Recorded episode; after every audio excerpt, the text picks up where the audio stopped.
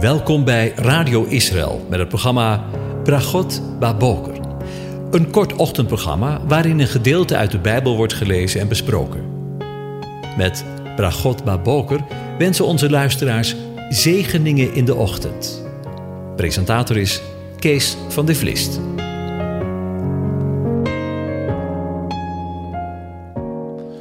Goedemorgen luisteraars. Vanmorgen gaan we weer verder met een gedeelte uit Psalm 8. Ik lees het aan je voor. De majesteit van de Heere. Een psalm van David voor de koorleider op de Gittit.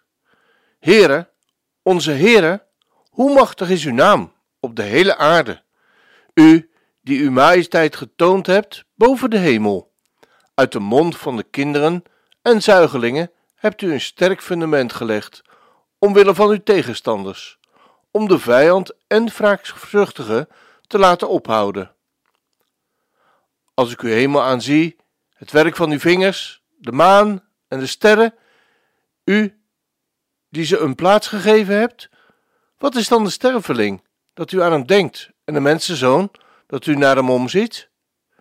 Toch hebt u hem weinig minder gemaakt dan de engelen en hem met eer en glorie gekroond. U doet hem heersen over de werken van uw handen. U hebt alles onder zijn voeten gelegd. Schapen en runderen, die allemaal, en ook de dieren van het veld, de vogels in de lucht en de vissen in de zee, al wat over de paden van de zee gaat. Heere, onze Heere, uw machtig is uw naam op de hele aarde. Over de koninkrijken gesproken. We willen de draad weer oppakken met het vervolg van Psalm 8 waar we aan het nadenken waren over de eerste mens, Adam, die drie opdrachten van God ontving en waarover we lezen in Genesis 1, vers 28. 1. Wees vruchtbaar. 2. Vervult de aarde. 3. Onderwerp haar en heerst over haar. Als we nadenken over de tweede opdracht die Adam ontving, dan moet ik denken aan wat we in Daniel 2 lezen over de bekende droom van Nebukadnezar. De koning ziet een groot beeld waarvan de aanblik schrikwekkend is, lezen we in vers 31. Daniel legt uit dat dit zogenaamde statenbeeld een voorstelling is van de opeenvolgende rijken.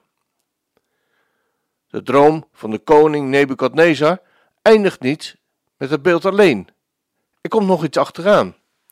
Ook dat weet Daniel tot in de details te vertellen.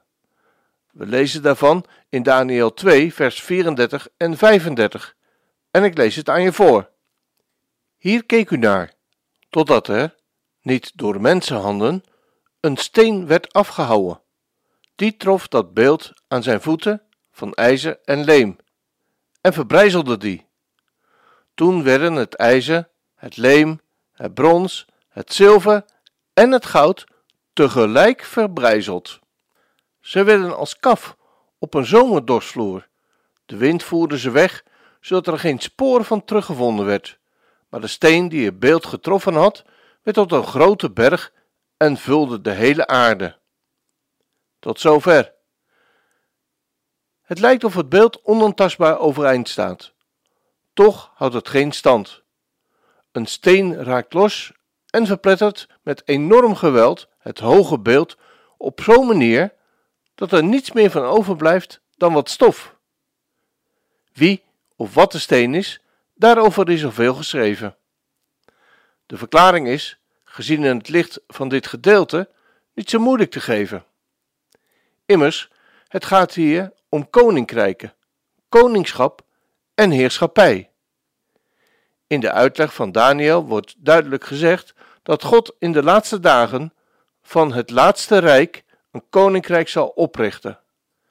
We lezen: In de dagen van die koningen zal de God van de hemel echter een koninkrijk doen opkomen dat voor eeuwig niet te gronden zal gaan en waarvan de heerschappij niet op een ander volk zal overgaan.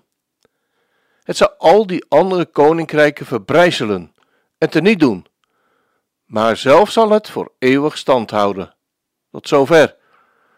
De vorige rijken vormen samen een compleet beeld.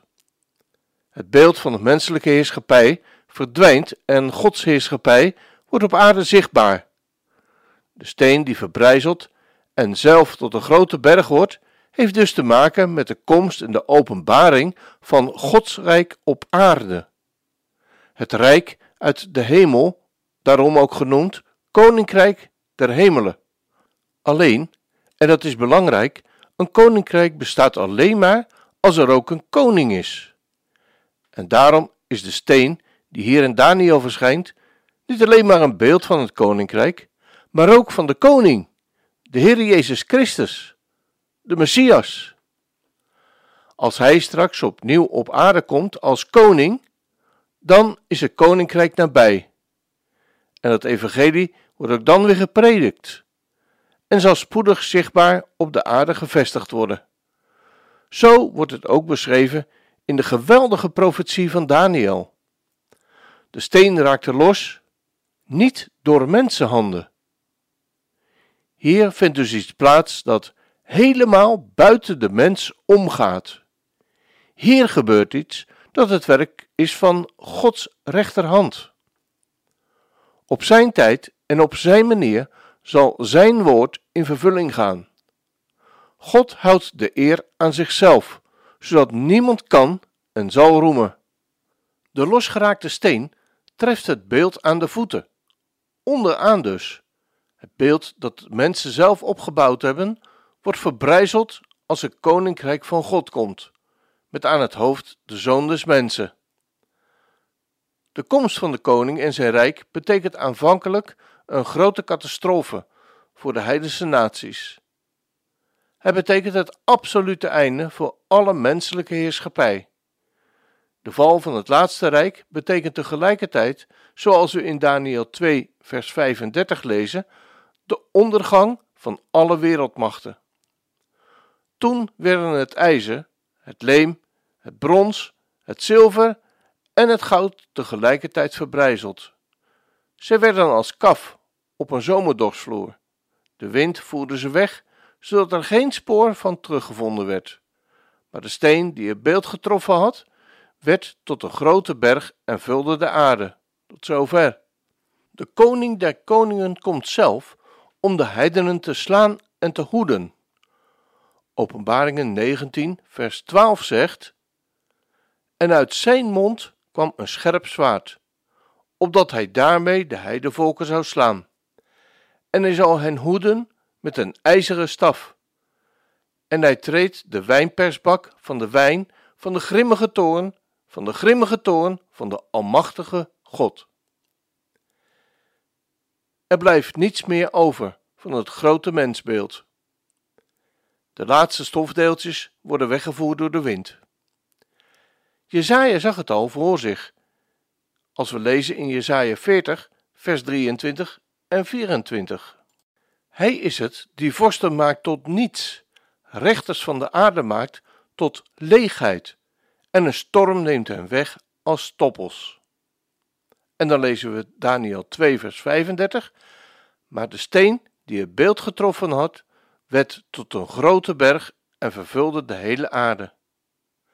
De steen die het beeld verpulvert, wordt tot een berg, oftewel, Christus komt en zal de aarde vervullen met zijn heerschappij en alle heerlijkheid die daaruit voortvloeit. In Jeremia 23, vers 24 zegt de Heere: Vervul ik niet de hemel en de aarde? Zowel de profeet Jesaja als ook Habakkuk getuigen ervan dat de aarde vol zal worden van de kennis van de Heere en van des Heere heerlijkheid, zoals de wateren de bodem der zee bedekken. Wat een geweldige zegen zal dat zijn, wanneer Psalm 8 tot volle vervulling zal komen. We gaan luisteren naar het lied.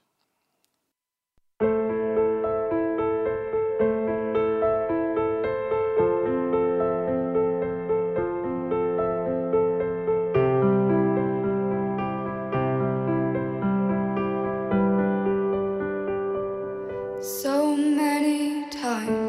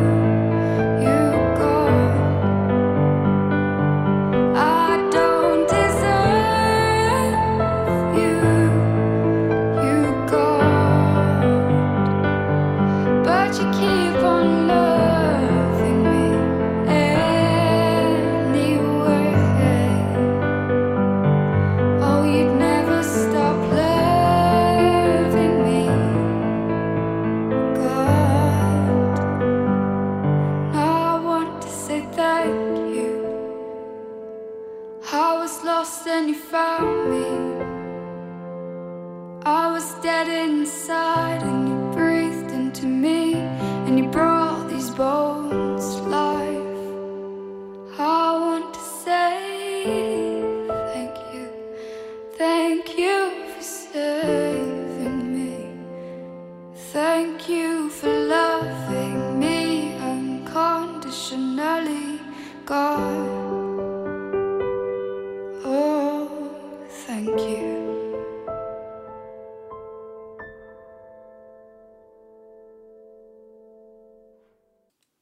Wat een prachtig lied.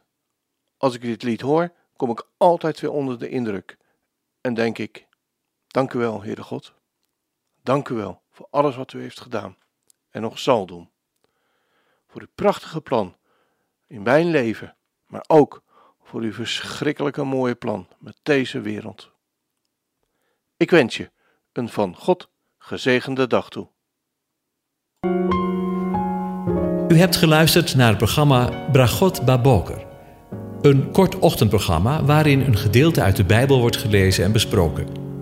Wilt u het programma nog eens naluisteren, dan kan dat. Ga naar radioisrael.nl en klik onder het kopje radio op Uitzending gemist.